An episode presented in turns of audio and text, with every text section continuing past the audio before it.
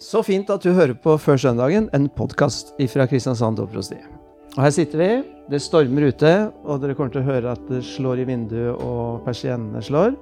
Men her inne er det rolig og fint. Her sitter Aud Smemo. Hei, hei. Hei, hei, fra Domkirken. Og der er det også du, Iselin. Ja, det er Iselin Jørgensen. Og så er det meg, da, Nils Terje fra Vågsbygd. Og så har vi med oss Johan Andreas Lauland i dag. Velkommen. Tusen takk. Du holder til i Oddernes. Jeg holder til i Oddernes. Har vært der faktisk siden 2005.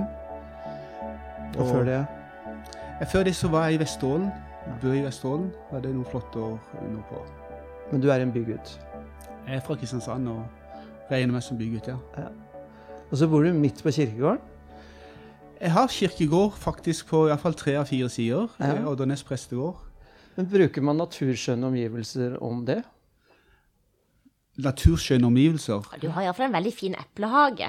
Takk Men, eh, eh, for det. Og det, det ble uh, Jeg tror jeg får én bøtte epler i år. Oi. Så det er utro, den bærer dårlig. Er gamle trær. Ja. Men, men det er jo en utrolig vakker kirkegård som eh, jeg gjerne går på tur på.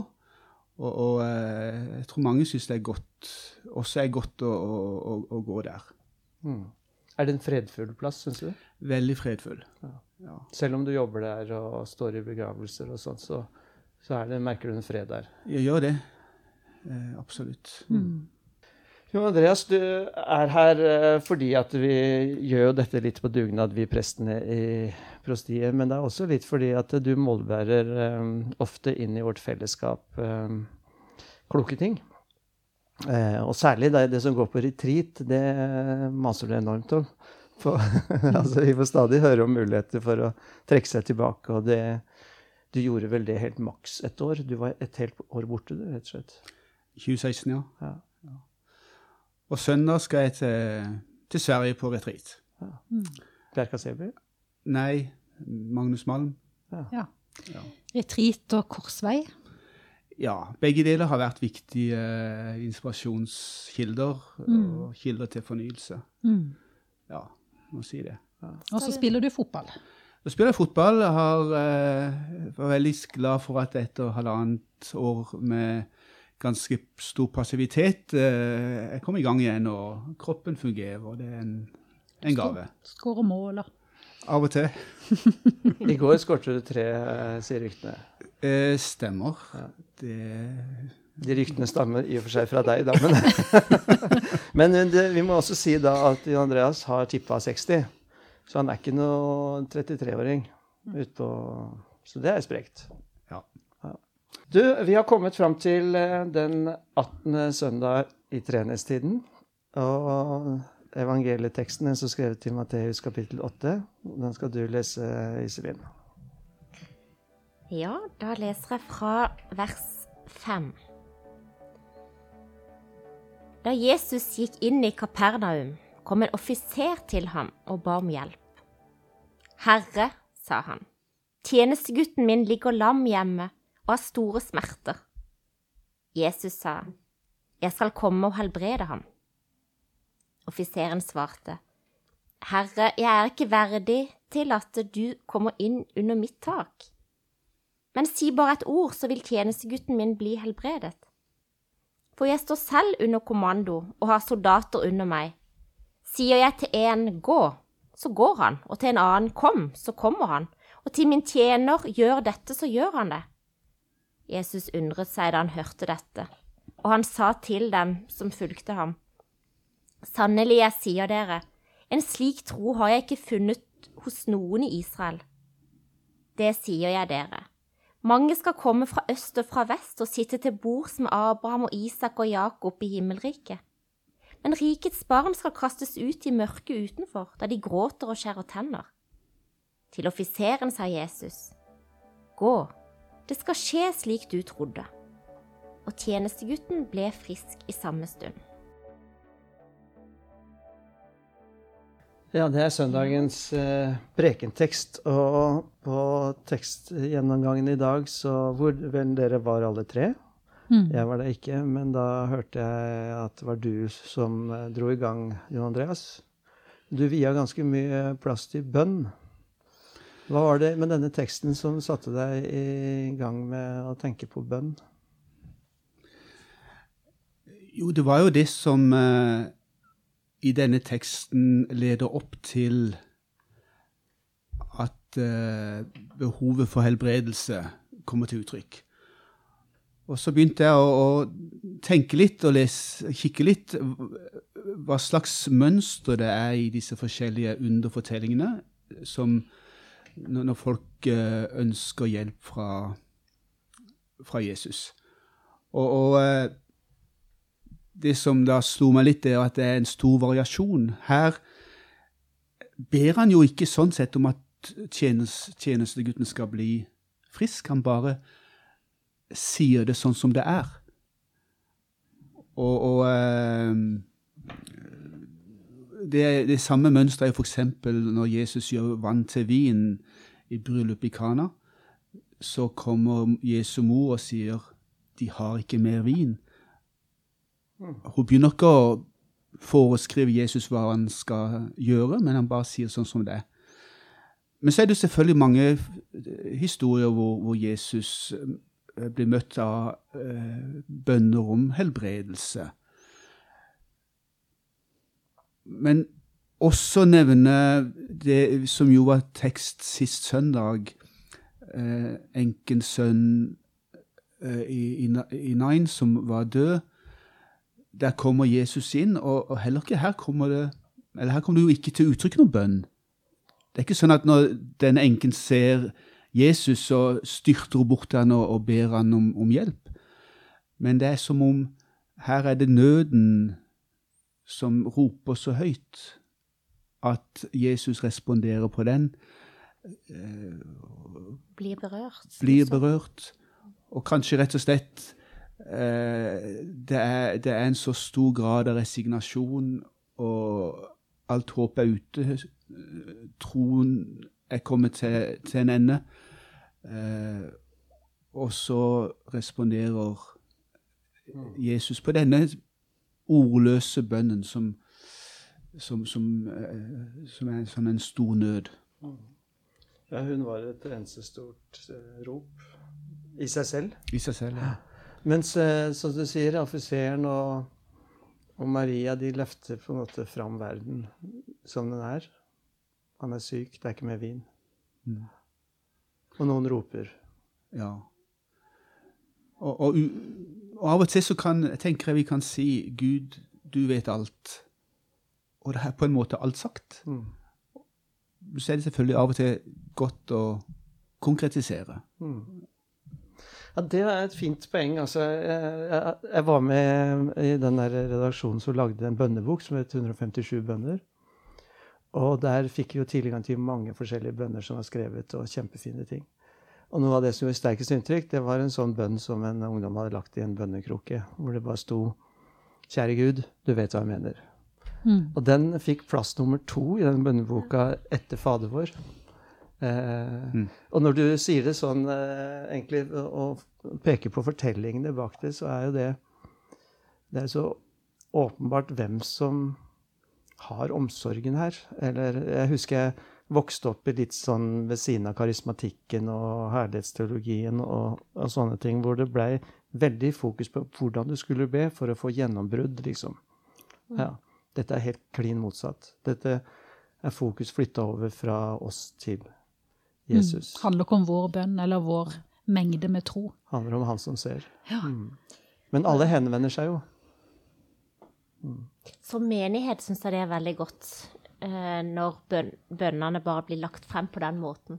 Eh, vet jeg for at studentprestene i Oslo gjør det sånn på Jakobsmessene.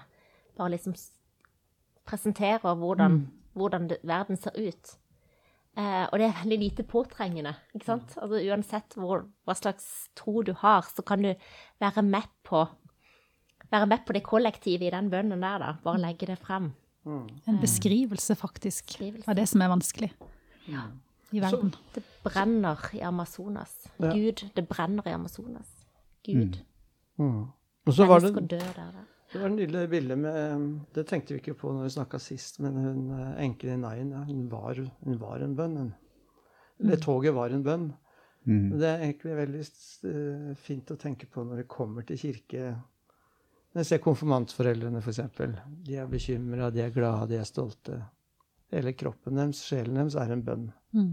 i Guds hus. da. Mm. Eller dåpsforeldrene, eller meg når jeg kommer med alt mm. mitt. Det, det, det, handler jo også om, som, som også du er Aud, altså Den kristne bønn er, er, er så lite magisk. Altså Magi handler jo om at jeg må si de rette, formulere det på en rett måte, si de rette besvergelsene, så skjer det en automatikk i at man får det Eller at det skjer. Mm. Men, men den kristne tro er, er, ikke er det ikke en magi? Altså At det rette formularet må sies for at ting skal skje? Mm. Det, er, det er at henvendelsen har en retning. Mm. Det er veldig frigjørende. Det, det, var vel Ole Hallesby som definerte bønn enkelt og greit som at det er å lukke Jesus inn. Mm. Og det gjør jo alle de du har fortalt om. Offiseren som kommer og sier Det er litt vakkert at en sånn offiser har sånn omsorg for sin tjener òg. Tjenestegutt. Mm. Um, det var jo et slavesamfunn, Romerriket. Mm. Man kaller han liksom eh, tjener eller sønn. Altså han Pais. Pais ja. Det betyr Det greske ordet er jo pais, og det betyr gutt. Men, men eh, det å kalle en, en, tjener for en gutt, det kan jo også være et språkbruk som betyr Altså som tar fra han litt av sin voksenhet og sin mandighet. Mm. Sånn som eh, slavene i Amerika før ble kalt for boy, ikke vel? Ja. Mm. Men det er jo mye varmere likevel enn en, Er det ikke dolos, som jo. er slave? Jo. Som er på en måte, eller tjener? Pais er en du er glad i. Ja. Mm. Mm. Det er ingen tvil om at han er glad i, i han her, da. Mm. Det er litt ydmykende for nå å komme til uh, jøden Jesus, antageligvis, ja. med dette. Så det er et, et kjærlighetsprosjekt han driver med. Ja. For dette er jo en offiser, en romersk offiser. En migrant, en uh, okkupant. En uh, som har stor status, og som ikke Altså, han tilhører jo ikke jødene. Han er, han, han er fremmed sånn sett i forhold til Jesus. Mm. Ja. Så det at Jesus og denne offiseren skal ha noe med å gjøre det, ha noe med hverandre å gjøre, det er jo veldig utenkelig. Mm. Ja. Mm. Kanskje Kanskje er det sånn at uh, offiseren og hans kolleger egentlig har sett på Jesus som en narr eller uh, en eller annen latterlig figur. Mm. Men så bor det også en tro da, i denne fremmede offiseren, som gjør at han kommer til Jesus med det kjæreste, eller med noe av det kjære han har. Mm så, så, sier han jo dette at, at, det er ikke verdig at du kommer inn i mitt hus. Mm. Jeg tenker det kan være ut, uttrykk for en respekt. Fordi for en, på samme måte som i fortellingen rett før Jesu øh, At hun, han, han øh, nærmer seg den spedalske, som jo var uren. Så var jo også det å tre inn i en hedningshus, det ville være å gjøre seg uren. Mm. Og, og eh, antagelig, som vi snakket om før i dag, det eh, vi, skjønner vi kanskje ikke helt hvor dramatisk det var å bli kultisk uren. Vi tenker Vi ser for oss litt å bli litt sånn mm. skitten på hendene, nesten. Men, men, det var ganske dramatisk å bli kultisk uren i dette samfunnet. Mm. Det var mer enn nok bare kunne vaske seg igjen. Vi kjenner jo litt til det nå gjennom pandemien, at det der å havne i karantene mm. det er ja. noe vi har prøvd å unngå alle sammen. Mm. Og, og, og, det er jo en del sånne karanteneregler knytta til urenhet i Moseloven, at du da måtte holde deg unna sånn og sånn og sånn. Mm. Ja. Ja. Men også det å bli assosiert med, med den makta der. Eh, han kunne bli beskyldt sikkert for å, for å være på okkupantens side blant, eh, blant mm. noen av de han var sammen med altså, Eller at han var maktsyk på en måte. At han prøvde å At han var en sviker.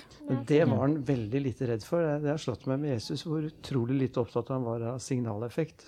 Han, han gjorde jo alle mulige sånne gale ting. Han mm. satt jo hjemme hos tollerne og, Og på kveldene tenk deg, hvordan de følte det, da, med tanke på hvordan funksjon tollerne hadde i samfunnet der. Han kjente velstående rike, og han kjente folk i, i rådsherrer. Det var spedalske, det var prostituerte, det var jo Han var veldig lite redd for sånt. da. Veldig lite redd for at noe skulle skape presedens som Ja. han ikke kunne følge Ja, det var det.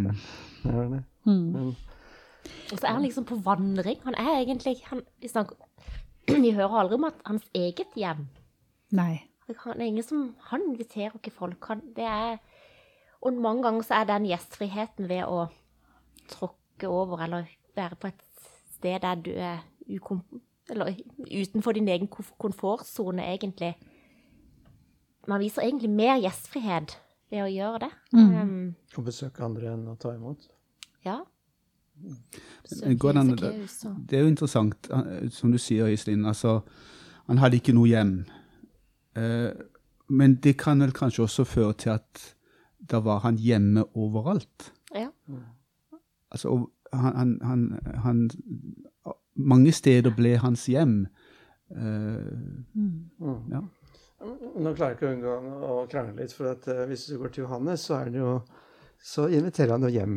Det er en ganske koselig historie med de Johannes-disiplene som spør hvor, hvor bor du? ja. Kom og se, sier han da. Og det har jeg alltid tenkt på. Hvordan så det ut der? Altså, det er jo en sånn dobbelthet. at De så sikkert da en liten rønne. Men det var himmelens port. Det er egentlig veldig sprøtt at han har bodd et sted. Men eh, Mm. selvfølgelig har han bodd et sted. Han er jo, var jo et menneske. Men vi hører mest om at han er hjemme hos andre. Mm. Ja. Gjør det. Ja. Men det er evangeliets gjestfrihet. da, at eh, Det er liksom Sakkeus-historien. I dag vil jeg komme hjem til deg. Mm. Den påståeligheten der. Mm. Og så er det veldig viktig å ta med seg, at vi tar med oss eh, Gammeltestamentteksten her fra første kongebok, som er innvielsen av tempelet hvor, tempelet hvor Salomo ber til Gud en lang og veldig innstendig bønn, som handler mye om eh, når folk kommer i tempelet, du må høre Gud, du må høre. Og i den teksten som skal leses på søndag, så begynner det sånn dette er Salomo sin bønn, da. Det kan også hende at fremmede som ikke hører til ditt folk Israel, kommer fra et land langt borte for ditt navns skyld. Og når de kommer og ber, da må du høre dem og gjøre alt det de roper til deg om. Ja. Det er veldig innstendig, og det er jo akkurat det som skjer i vår tekst, at det kommer en fremmed til Jesus, og at han hører og gjør det de dypest sett ønsker. Og hele Jesu liv er jo egentlig det. Det er jo også det som skjer når vismennene bøyer kne for Jesus i stallen. Og så mange Og også en kamp da som Paulus fortsetter. Ja, å ta imot fremmede. Gå inn til fremmede.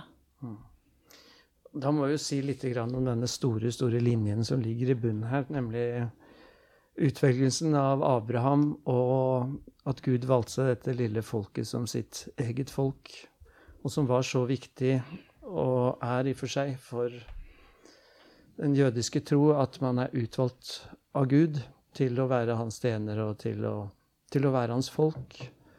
Um, som um, vi ser det i Gamletestamentet at det åpnes opp for andre. Du så det nettopp i den bønnen, så det er jo ikke, det er jo ikke, det er ikke bare ekskluderende, det er viktig å få sagt. Men den dynamitten som sprenges ved Jesu liv, og som vi ser i Paulus' fortelling, at nå gjelder det ikke bare det folket, nå gjelder det alt folk. Mm. Utvalgt i Kristus Mm.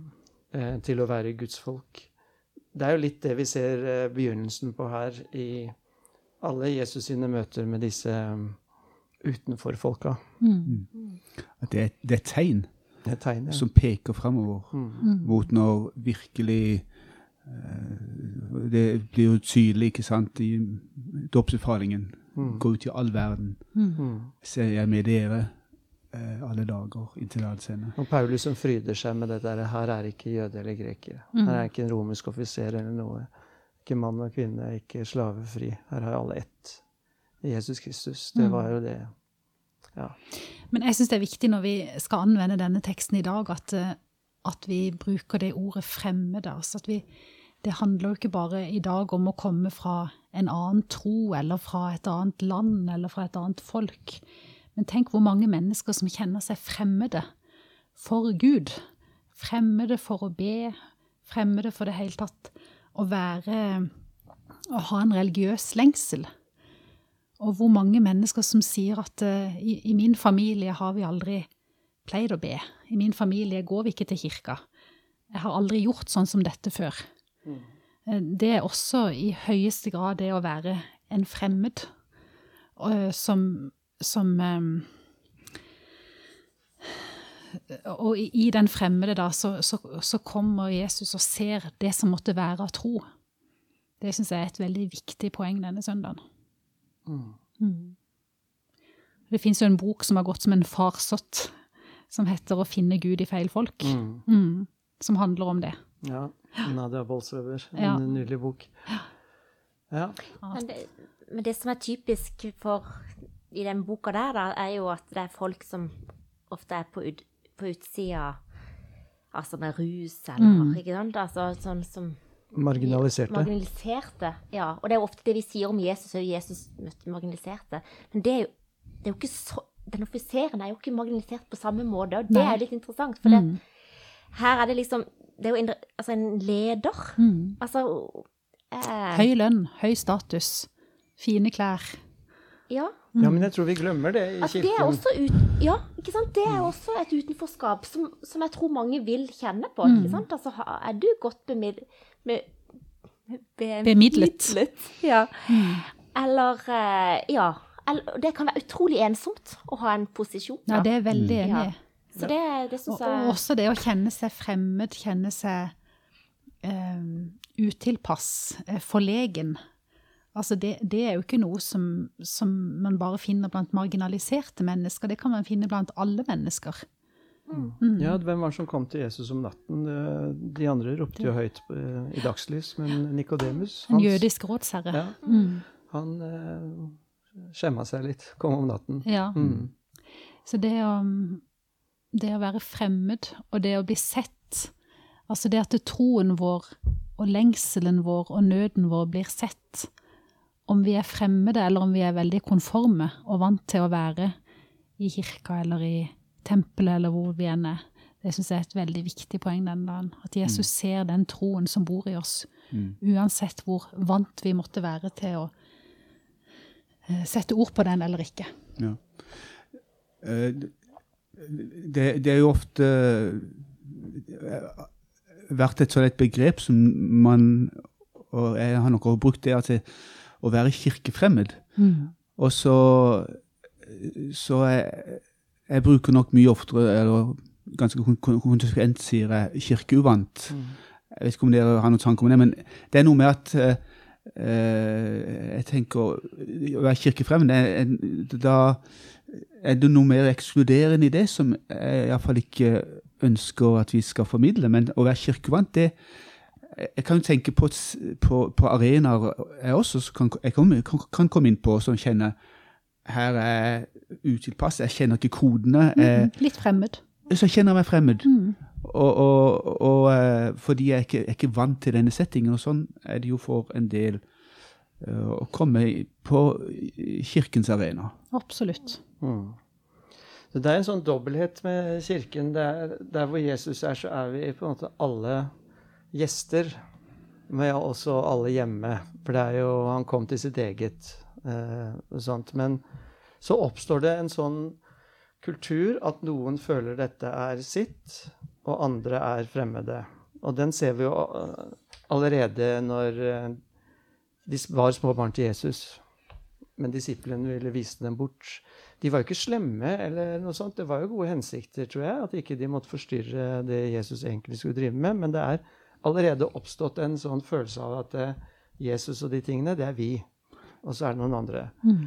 Og det, det, oppstår så kjempelett, fordi vi som kirke vi må jo bygge fellesskap. Vi må kjenne hverandre, herr Olsen og, og Aud og alle sånne ting. Men det jeg liker så godt med at vi for eksempel, hver gang vi har dåp, så har vi den der eh, Jesus og barna-fortellingen. Mm. Så minnes vi på det at det, eh, her er det egentlig ingen som er fremmede og ingen som eier. Vi er på en måte alle gjester, eller vi er alle hjemme, da. Eh, det er veldig viktig, altså. Og det er jo det noe av den teksten handler om. At eh, Jesus står i en kontekst der hvor noen føler at eh, Guds rike, det er deres. Det er vårt folks, ikke sant? Og så kommer det en utenfra.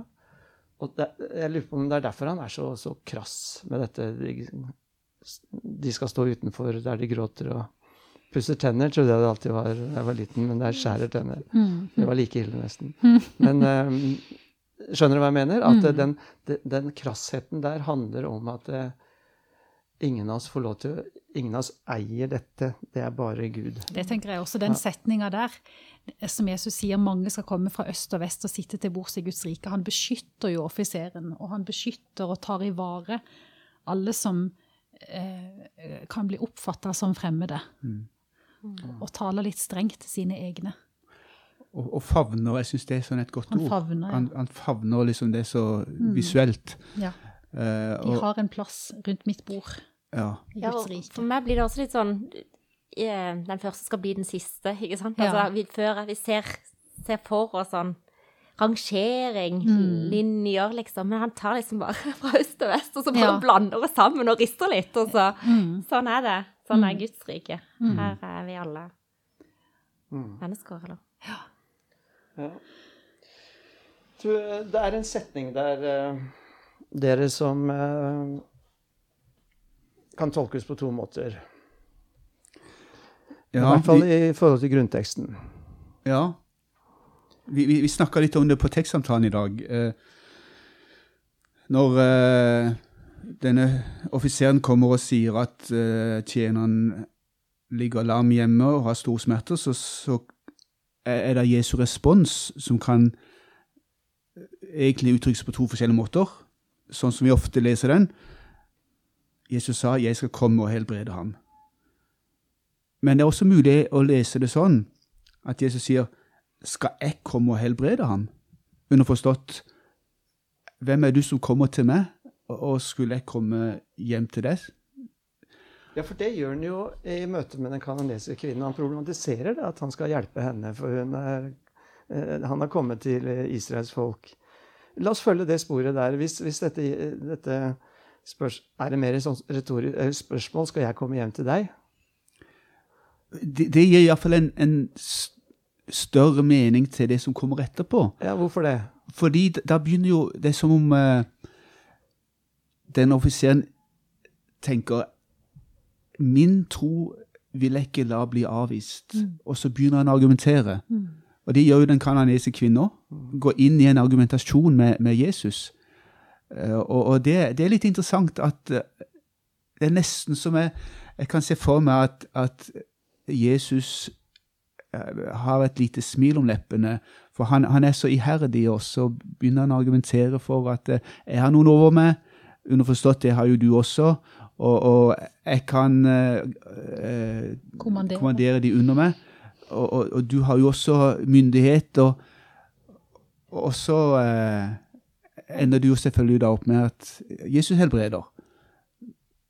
Og, da, eh, og hva betyr Hvorfor sier Jesus da større tro er ikke sett til Israel? Hva er det med offiserens tro, hvis vi følger det sporet? Jeg, tenker kanskje at dette har noe at han, han er så pågående. Han, han lar seg ikke avvise. For det er et sånt Noen ville nok ha blitt avvist hvis, hvis han nå sa det på den måten. Hvem er nå du som, som kommer til meg og, og, og ber om dette? Han lar seg ikke avvise. Men også det at eh, offiseren viser med det at han tror at Jesus er Guds sønn, egentlig. Ja. Han har en over seg. Mm. Mm. Og så kjemper han jo iherdig for denne Da er det tilbake til denne tjenestegutten igjen. da. Mm. Mm. Eh, Det er et eh, prosjekt han ikke vil gi opp. Mm. Han anker Ja. Avgjørelsen. Mm. Ja. Og hvis vi tenker oss det andre, da, at Jesus Da er vi jo inne på det som du snakka om, Iselin, med denne gjestfriheten. Jesus sier 'Jeg skal komme hjem til deg'. Inn i et urent hjem. Um, men da sier eh, offiseren 'Nei, det trenger du ikke'. Du trenger ikke å gjøre deg uren for eh, min skyld, for du Og så kommer den logikken der. Eh, du kan jo bare, bare si et ord. Ehm, da blir han mannens tro en veldig sterk tillit. Han har oppdaga en kraft, en myndighet i denne Jesus som sikkert kollegaene hans lo av og Mm. kalte en narr. Han har Mhm. sett noe der. Og så, bare, eh, så ser han mye klarere enn alle de andre som kanskje tror de må be på den måten eller gjøre sånn og sånt. At eh, denne mannen kan faktisk bare si et ord. Mm. Han trenger ikke engang komme og være fysisk i nærheten av, av denne tjenestegutten og legge hendene på, eller hva det nå er. Mm. Han har så stor tillit til at Jesus bare ved å si et ord, så Litt sånn Guds skaperord. litt, Ja. Mm. Mm. Ja. Men eh, på søndag, da, hvem av dere skal preke? Jeg skal preke på tangomesse. Oi! Vi skal ha tangomesse. Ja, eh, kan du tolke teksten i lys av tango? Jeg tror ikke det. Nei. Den skal få stå for seg sjøl. Hva tror du blir nedslagsfeltet ditt? Nei, jeg, jeg liker veldig godt temaet om den fremmede. Mm. Mm. Den fremmede som blir sett, anerkjent. Og vi, alle oss som kjenner oss som fremmede av og til, og som eh, Som blir sett, og troen vår blir sett. Jesus som bekrefter oss. Mm. Syns jeg er et godt tema. Du har Jon Andreas? Eh, Jeg kommer nok til å se litt, eller å snakke litt om eh, om, om bønn, altså hvordan eh, disse forskjellige som, som, som kommer til Jesus eh, Det ble en litt sånn aha for meg at det, det, dette kan skje på mange forskjellige måter, og, og, og Jesus møter folk uansett Eller på de, om hvilken måte de kommer på. Um, Mm. jeg tror nok det iallfall blir noe av det jeg kommer til å si noe om. Iselin, det er vel bare én prekestol i domkirken? Ja, så på, på søndag har jeg fri. Ja. Mm. Men hva vil du sitte og tenke på mens jeg taler? At hun burde snakke om? Nei, jeg syns vi har vært innom veldig mye, mye spennende her, altså. Uh, ingen er fremmede for Gud. Det syns jeg er spennende. Og så syns jeg det Ja. Dette med hvordan, eh, hvordan vi ser på utenforskap, og hvordan Hvordan Jesus gjør det på en helt annen måte. Mm. Mm, det, det er viktig. Um, Gud er hjemme uan, uansett hvem, hvem det skulle være. Mm. Og aldri redd for å gå inn til et menneske. Nei. Hva, hva det enn måtte føre med seg. Mm. Ja. Han er ikke redd for å være i dårlig selskap. Nei. Og, og eh, altså det der bildet, eller det som skjer når Jesus dør, så har han en røver på hver side. Han er i dårlig selskap. Men jeg tenker at eh, det, det er ikke noe problem for Jesus. Og da blir han er det gode selskap, uansett hvem han er sammen med. Mm. Det blir et godt selskap. Skal du preke? Ja, jeg skal preke. Ja, det, det var godt du spurte om, for at jeg skal ha to gudstjenester, én klokka 11 og én klokka 8. Og da har jeg jo den samme tekst, da, men da har jeg muligheten til å eh, ta alle deres gode poenger på én. Og så har jeg lyst til å gå litt videre på hva var det som gjorde at Jesus sa at større tro er ikke sett til hele Israel. Jeg har lyst til å snakke om Det går litt i det samme som dere snakker om, der, men hva er, hva er tro, egentlig? Mm. Mm. Så, men eh, takk skal dere ha for mange gode tips. Det var en eh, omskriving av å finne Gud i feil folk som vi snakka litt om, Jon Andreas, før. Ja, jeg, jeg tror det var å, at feil folk finner Gud. Nettopp. Mm. Mm. Og den offiseren er jo sånn sett en type feil folk. Mm. Og, og det kan en begynne å tenke i våre sammenhenger. øh, Hvem er der feil folk, og øh, hvordan kan vi berede at de kan legge til rette for at de kan finne Gud? Mm. Det er et bra perspektiv. Kanskje du skal få lyse velsignelsen, Andreas, siden du er så fersk her? Det gjør jeg gjerne. Ta imot Herrens velsignelse. Herren velsigne deg og bevare deg. Herren la sitt ansikt lyse over deg og være deg nådig. Herren løfte sitt åsyn på deg og gi deg fred. Amen.